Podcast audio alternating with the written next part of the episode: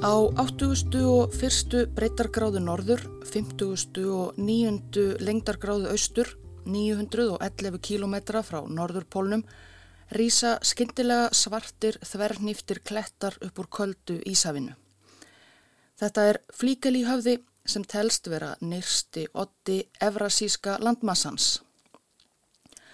Flíkeli höfði heitir eftir austuríska kortagerðamanninum Ágúst von Flíkeli Sá kom aldrei á höfðan, þangað eiga afar fáir nokkur tíman nokkurt erindi, en það voru forsprakkar austurísks heimskautaleðangurs sem fyrstir komu auga á þennan höfða 1874 og nefndu hann honum til heiðurs. Höfðin er nýrsti hluti Rúdolfs eigum sem er nýrsta eiga, eigaklasan sem hinn er austurísku heimskautafarar uppgötvuðu í leiðangri sínum og nefndu í höfuðið á keisara sínum, Frans Jósefsland. Frans Jósefsland er, vitum við í dag, samansapn 192 smá eiga og skerja sem tegja sig yfir 375 km langt svæði frá austri til vesturs og 234 frá norðri til söðurs. Vestasta eigin er 260 km austur af Svalbardha og frá flíkelíhafða okkar eru um 900 km á norðurpólinn.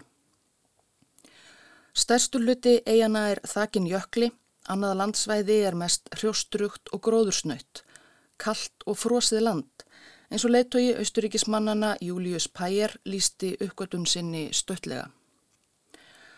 En tveimur áratugum eftir að menn komu fyrst auga á þetta kalda og frosna land varð það eina lífsvon tveggja norðmanna sem komnir voru ansi langt að heimann.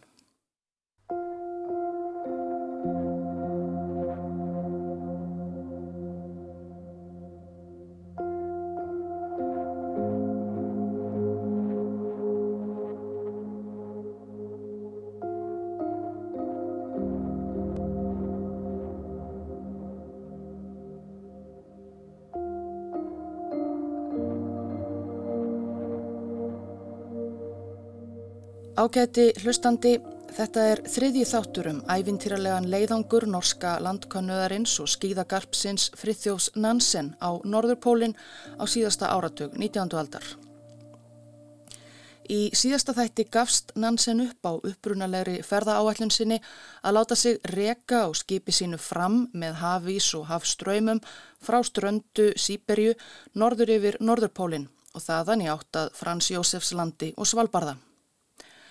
Rekið reyndist of hægfara og ódreiknanlegt. Eftir eitt og hálft ára á reki, þegar fram var ennum 660 km frá Norðurpólnum, varð Nansen ótólunmóður. Hann og einn úr tólfmanna áhöfn fram, Hjálmar Jóhansen, heldu af stað, þeir tveir einir, á skýðum og með hundasleða út á ísin og lengra norður.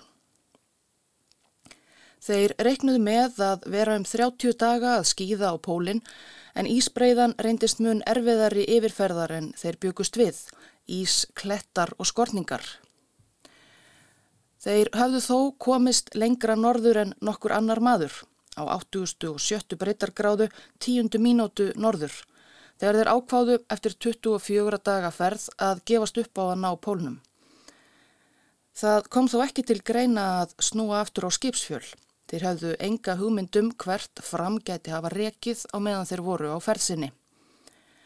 Nei, þeir urðu að komast á næsta fastland, flíkilíhafða á Frans Jósefslandi. Þanga voru um 600 kílometrar af alls og kannaðri ísbreyðu. Þeir hafðu tekið vistir til tæpra 100 daga og hafðu þegar verið sem fyrir segir 24 daga á ferð. 8. mars 1895 lögðu Fríþjóf Nansen og Hjálmar Jóhansen af stað í söðu vestur.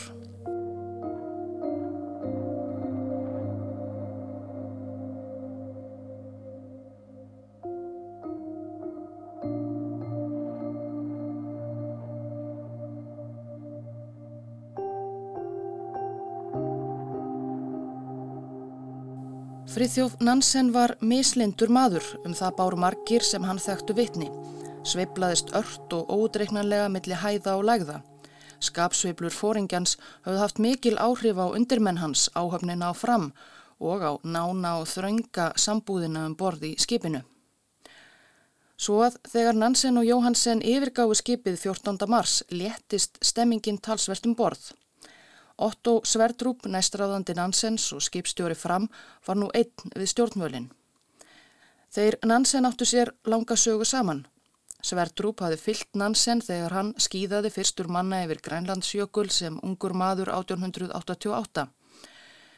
Engu að síður skóf skipstjórin sem vanalega var orðvarmaður ekki af því í dagbúksinni, ekki löngu eftir að Nansen lagði af stað norður. Það er magnað hver andrumslóttið hefur breyst síðan Nansen fór. Allir eru ánaðir í góðu skapi og vinnan dansar áfram. Derringurinn í honum hefur valdið ótrúlega miklum íllendum. Ég held að allir hata hann.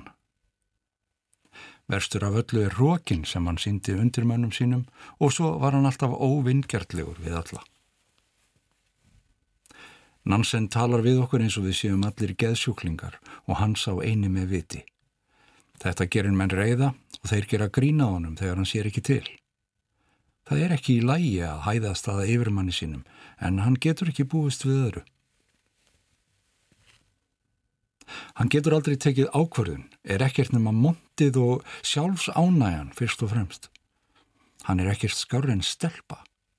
Heimskauta farin snjalli, vísindamaðurinn mikli eins og hann er líka kallaður. Já, ef það er eins mikið um þvætting í vísindastörfum hans og í öðru sem hann gerir, eru þau varla mikilsverði.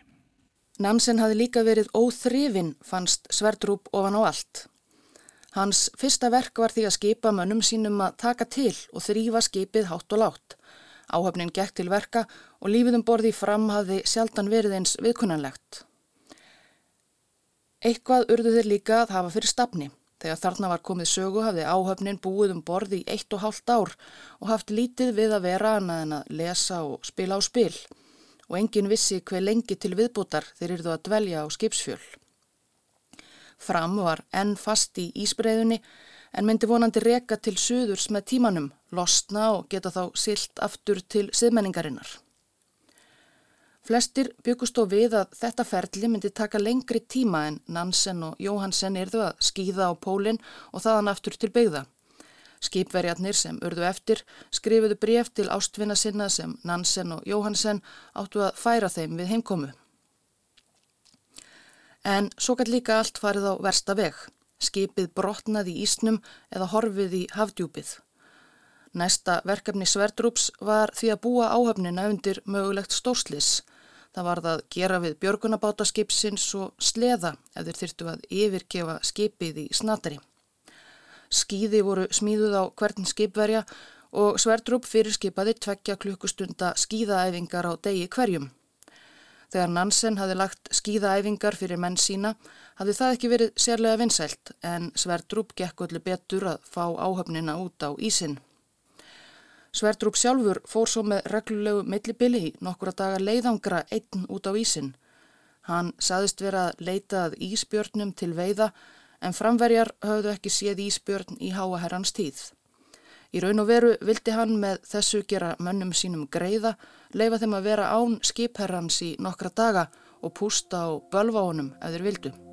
Hvort einhverjir vildu endilega bölváhunum er þó óvist.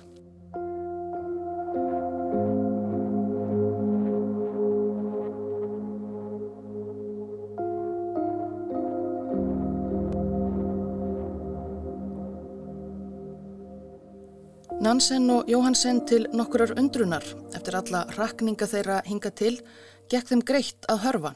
Ísin í söður átt var aflýðandi og slettur eins langt og augað eigði fullkominn til skíðagöngu. Það reyfiði ekki vind og snjórin glitraði í stöðugu sólskinninu.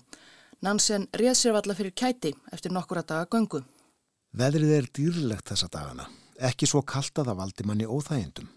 Einungisum 20 eitthvað stiga frost þarna, ekki 40 eitthvað eins og fyrir örfám dögum fyrir norðan.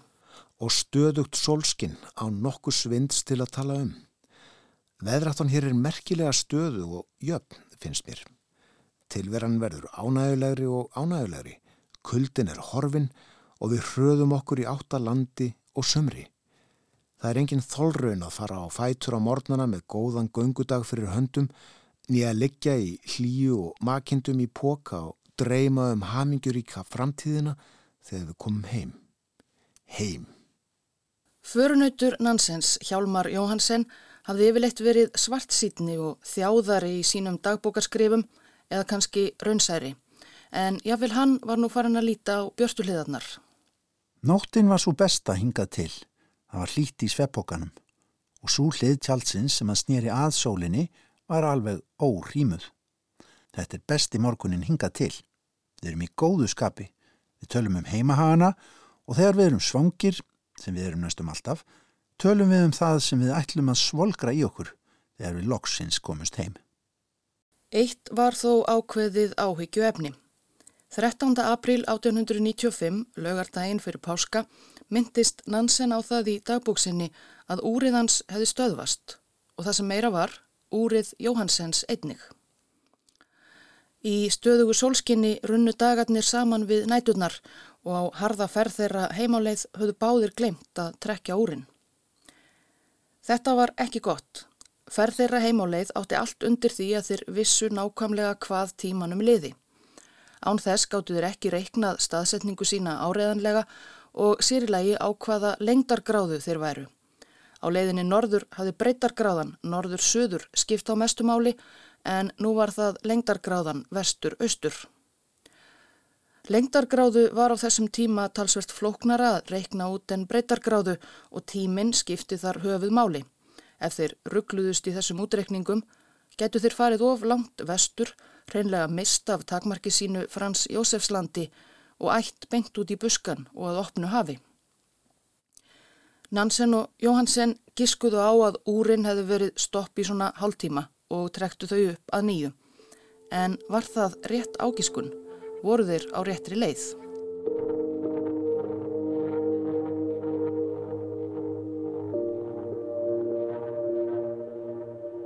Á páskadag fögnuðu norðmennir tveir á norður hjara með veislu.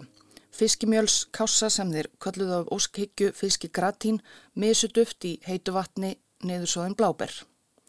Dásamlegur kvöldverður skrifaði Nansen í dagbók sína en lungan af dagbókarfærslu páskadagsins eitti hann í áhyggjur af því að hann væri með rángan tíma og ránga útrekninga og væri því á rángri leið.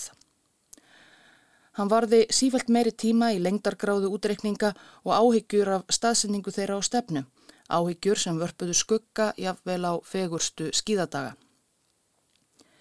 Samkvæmt breytargráðu útreikningunum voru þeir, þrátt fyrir allt sitt góða gengi hinga til, komnir mun stittra í söður en þeir ættu að vera, ekki lengra en á 80. og 70. gráðu norður. Það bendi til þess að ísinn sem þeir voru að skýða á í söður væri samtímis að færa þá í norður. Þegar þeir voru á leiðinni norður, rak ísinn samtímis í söður, ísinn var alltaf á mótið þeim. Þetta eru góðar fréttir fyrir fram, skrifaði Nansen í dagbúk sína, en ekki fyrir okkur.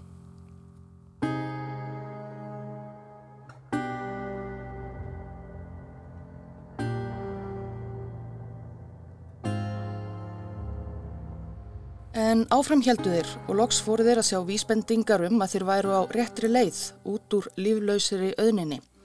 21. april skýðuðu þeir fram á rekaviðar drömb sem stóðu upp úr ísnum. Sýberjulerki álíktuðu þeir og skáru svo upphafstafi sína í drömbin FNHJ áður en þeir heldu leiðsinni áfram. Femtugum síðar rak Nansen í rógastans þegar hann sá spór í snjónum. Þannig hafði heimskveitarefur verið á ferð ekki laungu áður og stemt í austur. Hvað í óskapunum var reppi að vilja þarna? var eftir vill fast land nálægt. Nansen skimaði í kringum sig en sá ekkert annað en ísin. Landi nálgast og spennandi tími hafinn. Nú megu við að vona á að sjá eitthvað við sjóndeldarhingin. Ókveið þrái land, eitthvað undir fótum, annað en ís og snjó, svo ekki sé minnst á eitthvað fyrir augun að kvíla á.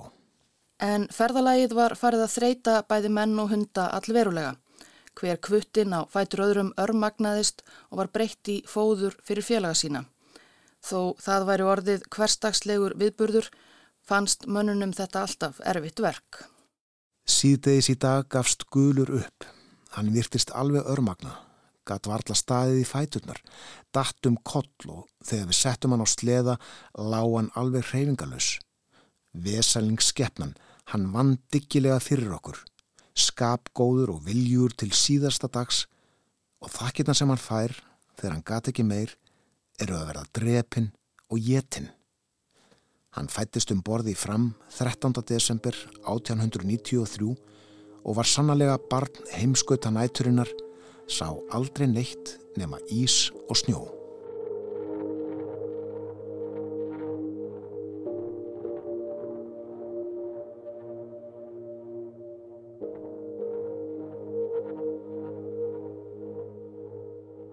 Fastlandið let býða eftir sér.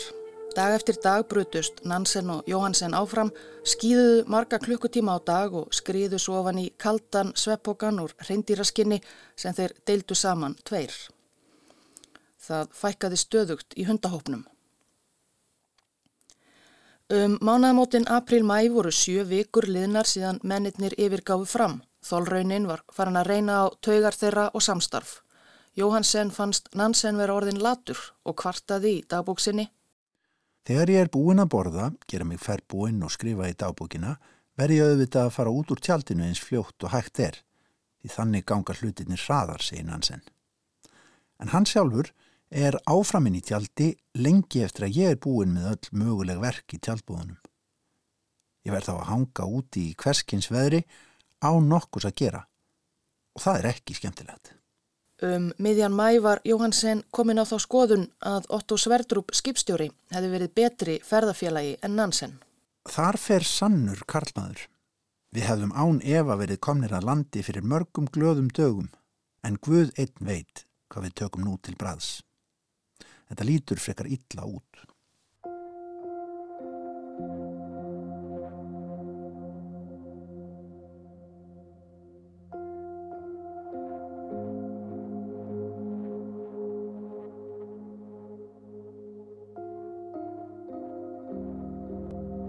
Sverdrup, skipstjóri og áhöfnun á fram heldu upp á þjóðháttíðadag Norðmanna 17. mæ 1895 með skrúðgöngu á Ísnum eins og árið áður.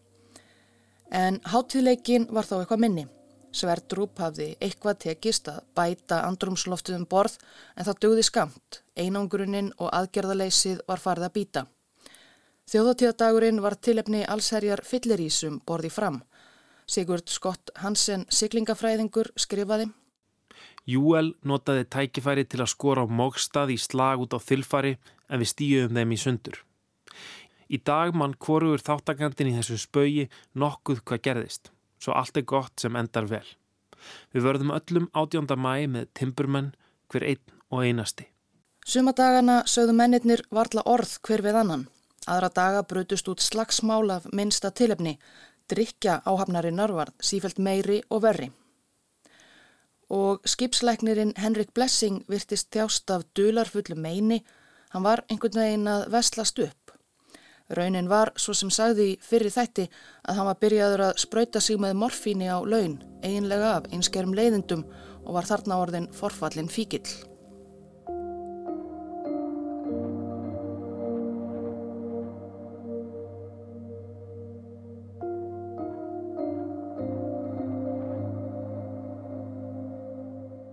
Vorið gerði ferðalag norðmannana á Ísnum ekki auðveldara. Það var ekki nema um tíu stiga frost, örlítil hugun kannski, en nú þurftu þeir að dragnast í gegnum mjúkan, krapakendan snjó og þræða sig á milli og yfir sundi Ísnum sem eruðu sífælt tíðari og breyðari. Líf var sumulegðis að færast yfir landslægið. Hér og þar sáu þeir spór eftir íspyrni og refi og glitta í nákvali undir Ísnum. Mávar og svartfuglar flögruðu yfir höfðum þeirra en aldrei sáu þeir land. Nansen gerði sitt besta til að reikna út staðsetningu þeirra hverju sinni en sem fyrir voru þeir aldrei alveg vissir um að útreikningarnir væru réttir, hvort þeir yfirleitt stemdu rétt. 14. júni voru þrýr mánuður síðan mennirnir yfirgáfi fram. Í ás fjórðung höfðu reikað um þessa eðimörk ís og enn eru við hér. Ég var vissum að um þetta leiti eru við komnir á Svalbardha eða minnstakosti löngu komnir á Frans Jósefs land. en maður flýr ekki örlög sín. Degi síðar gerðu mennirni nokkuð sem þeir höfðu ekki gert áður. Þeir átu sjálfur kjötið af einum hunda sinna. Þrýr hundar voru eftir á lífi.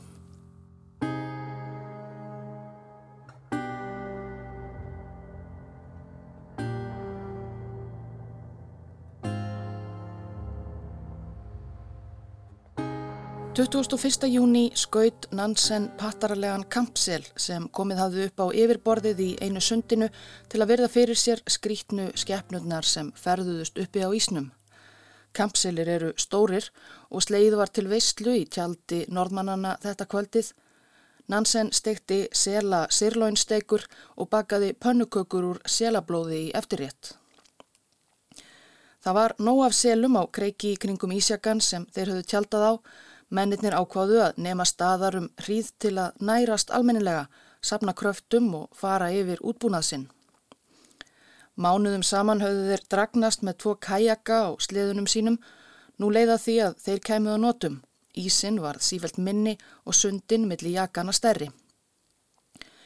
En bátarnir höfðu orði fyrir talsverðu njaski á leiðinni og litu út fyrir að vera orðnir hrib lekir svo það þurfti að gera við millir þess en þeir kýldu vömbina og selkjöti. Þetta var kærkomin kvíld eftir margra mánada erfitt ferðalag, en það var þó ekki létt yfir mönnunum. Þeir þráðu fast land og að komast heim. Tjaldbúðirnar nefndu þeir því heimþrárbúðir og þar lágu þeir í mánuð.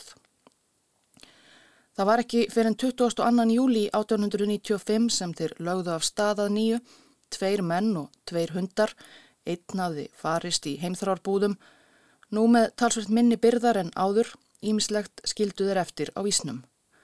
Þeir voru útkvildir og mettir og ferðin gekk greiðar. Og strax daginn eftir sáu þeir glitta á eitthvað svart í fjarskan. Loksins hefur kraftaverki gerst sem við vorum nestum hættir að trúa á.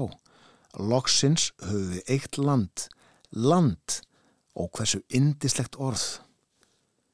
Eftir næri tvö ár sjáum við eitthvað rýsa yfir þessa endalösu kvítu línu við sjóndildarhingin. Og þessi kvíta lína sem hefur þakið þetta haf í þúsundur ára og mun þekja það í þúsundur ára til viðbótar, nú yfirgefu við hana. Nú hefst nýtt líf fyrir okkur, því ísin er og verður alltaf eins. Það var veistla í tjaldi norðmannanna þetta kvöldið. Og, skrifaði Jóhansen í dagbók sína, Í tilefni dagsins skipti hann um nærbuksur í fyrsta sinn frá því að hann yfirgaf fram fjórum mánuðum fyrr.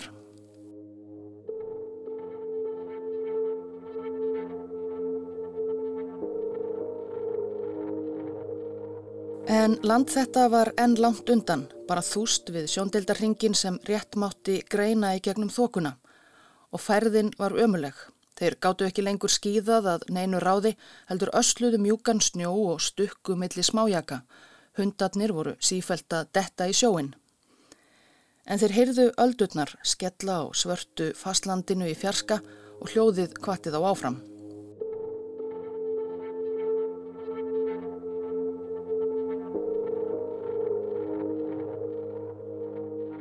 5. ágúst var Nansen að berjast við að dröstla kajaknum sínum millir tvekja jaka þegar Jóhansen fyrir aftanan kallaði skindilega upp. Gríftu bissuna? Ég snýri mér við og sá risavaksinn Björn henda sér yfir Jóhansen og hann fjall aftur fyrir sig. Ég slefti taki á kajaknum til að grípa riffili minn og um leið rann kajakinn út í vatnið.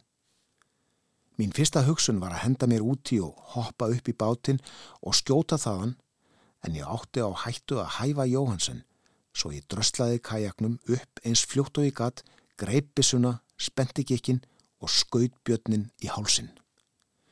Hann lippaði strax niður. Þessu var öllu lokið á andatæki. Það eina sem ég heyrði frá Jóhansen var Það er eins gott að þú flítið þér eða það verður um seinan. Samkvæmt frásögn Jóhansens hafði björnin verið við það að býta hann á hálsin en hikaði andartak og þá hefði Nansennan. Hann var ekki alvarlega meittur, bara með nokkra skrámur. Bánsi var svo kærkomin viðbót við matarforða mannana. Þeir verkuðu hann og hlóðu bjarnar kjöti á sleða sína áður en áfram var haldið. Dægin eftir Bjarnar árásina 7. ágúst voru þeir loksins komnir að Ísuröndinni. Framundan var bara grátt úfið hafið og svo snæfið þaktir klettar engvers sem þeir vonuðu að væri Frans Jósefsland. Það var flóð hamingu sem fylti sál manns við þessa sjón og ómögulegt væri að lýsa með orðum. Öll okkar vandræði voru að baki og framundan var bein siglingaleið heim, heim í ljós og hamingu. Nansen og Jóhansen lögðu kajakana tvo saman og festu sleðana sína tvo og skýðin þvert á milli þeirra byggu til eins konar tvíbólung með litlu mastri úr bambus. Það var ekkert pláss fyrir hunda á fleginu. Síðustu hundarnir tveir, Bófi og Kæfas, voru skotnir. Dýrin höfðu fyllt mönnunum í hvert fótmál þessa næri þúsund kilometra leið á Ísnum. Það var þeim þungt að forna þeim en nú var það næstileggur ferðarinnar.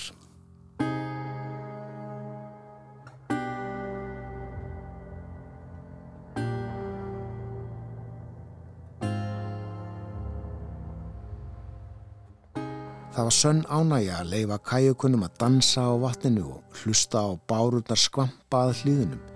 Í tvö ár höfðu við ekki séð svona opið haf. Áreinslulegst liðu við með vindinum í átta landinu sem við höfum þráð svo lengi. Kvílik breyting frá því að hafa þurft að berjast metra fyrir metra yfir ójafnan ísin. Þeir voru þrjá daga að sykla til lands, sváfu á Ísjökum á leðinni. Loks 9. ágúst gengu þeir á land á lítilli eigu sem var þakin jökli. Efst á jöklinum litu þeir yfir og sáu fleiri smá eigar í grendinni.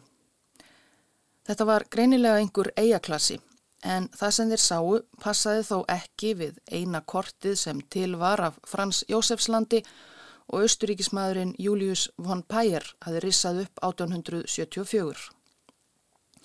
Sem fyrr voru þeir óvissir um nákamlega hvar þeir væru niðurkomnir en allavega þá voru þeir komnir með fast land undir fótum.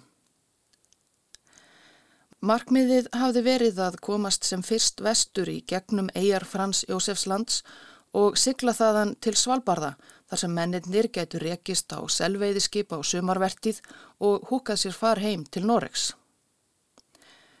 Næstu daga sildu Nansen og Jóhansen í gegnum völundarhús snæfi þaktra smáeia sem aldrei passaði almennilega við austuríska kortið þeirra. Það var næga fæðu að hafa Allt í kringum þá voru lifandi skeppnur, selir, refir, íspyrnir, pattaralegir, rostungar og fugglager á himni. Svo þeir gáttu veitt og þeir liðu engan skort. En þarna var komið fram í miðjan ágúst og með hverjum deginum dvínaði vonin um að komast til Svalbardha meðan enn var sumar. Það var líka farið að kólna og það fór smátt og smátt að renna upp fyrir mönnunum að mögulega erðu þeir að verja enn einum vetrinum þarna, tveir einir á norður hjara.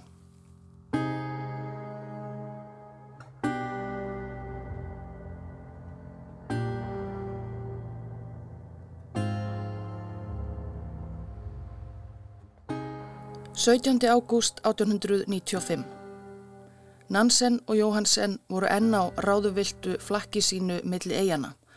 Austuríska kortið virtist aldrei stemma eða frekar þeirra eigin útrekningar á staðsetningu.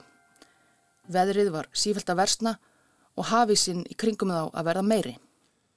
Hugrekkið er enn til staðar en vonin, vonin um að komast senn heim, hún er lungu horfin og það eina sem eftir er, er fullvissan um langan og myrkan vetur hér.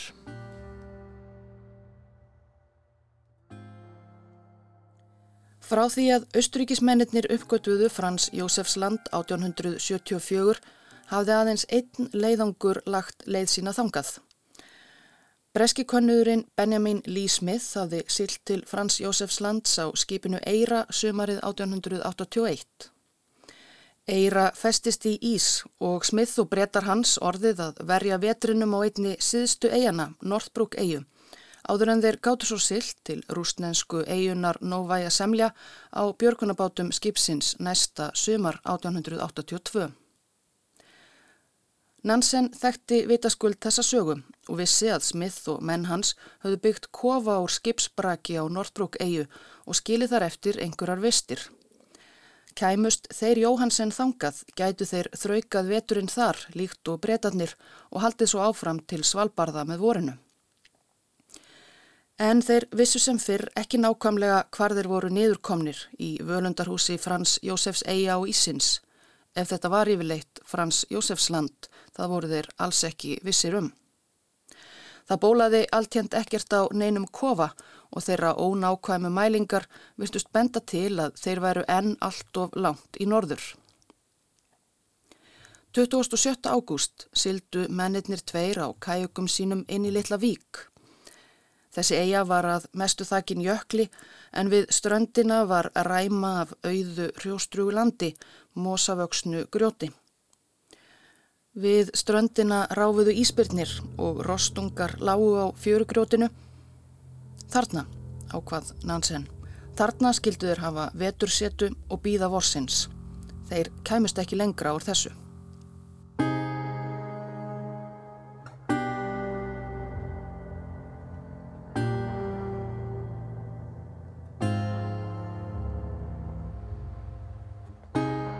Það var allavega nóg að geta. Nansen og Jóhansen skutu nokkra rostunga og nokkra byrni og hlóðu upp kjötbyrðum. Svo hófust þeir handa við að koma sér upp skíli, heimili fyrir veturinn. Þeir gengu einbeittir til verks þó svo að báðum hafi fundist tilugsunin um annan heimskvöta vetur þarna á þessu skeri ömurleg með öllu. Skílisbyggingin gekk þó hægt. Þeir voru ekki með sérlega mikið af verkfærum meðferðis í svona vinnu Með berum höndum og rostnungsbeinum gróðu þeir hólu í frostna jörðina ekki langt fara á ströndu um eins metra djúpa. Hlóðu steinum umhverjus hóluna og strengdu svo rostungaskinn yfir, sem þakk. Þetta var erfiðis vinna og það var langt liðið á september þegar skílið eða hólan eins og þeir kölluðu það var tilbúið. 28. september 1895 fluttu Frithjóf Nansen og Hjálmar Jóhansen inn í ný heimkynni sín á Frans Jósefslandi. Hólan var 30 metra laung og tæplega 20 metra breið. Þetta var vissulega rúmbetra en litla tjaldið sem þeir höfðu leið í til þessa. Hávaksnir normennir gáttu teikt úr sér þar sem þeir lágu þétt upp að hver öðrum á bjarnarskinsfleti. Og það var plás fyrir litla eldunar aðstöðu í einu hodninu. Þeir voru löngu búnir með ólífuna og prímusinn en byggu til ólífulampa að hætti innumýta brendu sellísi á steini. Svo það var þó sæmilega hlýtt innandira. Reikurinn af ólífulampanum liðaðist út í gegnum glufu í skinnþakinu. Svona leið tíminn, sólinn sökk lægra og lægra þar til að 15. oktober sáðu hana í síðasta sinn fyrir ofan fjallsrygg í söðri dagarnir eruður fljótt dimmari og þannig hófst okkar þriðja heimskutanótt.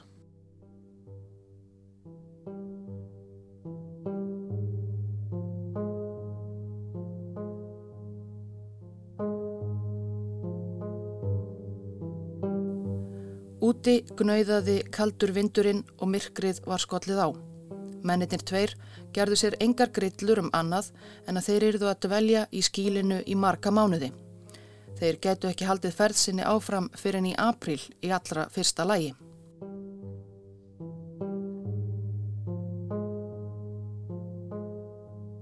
Þanga til voru þeir einir í kulda og myrkri á hjara veraldar.